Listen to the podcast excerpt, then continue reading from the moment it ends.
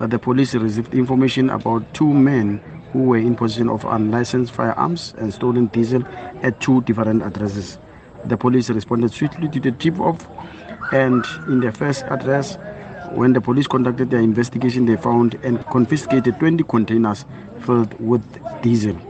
A 60 year old suspect was arrested after failing to provide proof of purchase. He was charged for possession of suspected stolen diesel.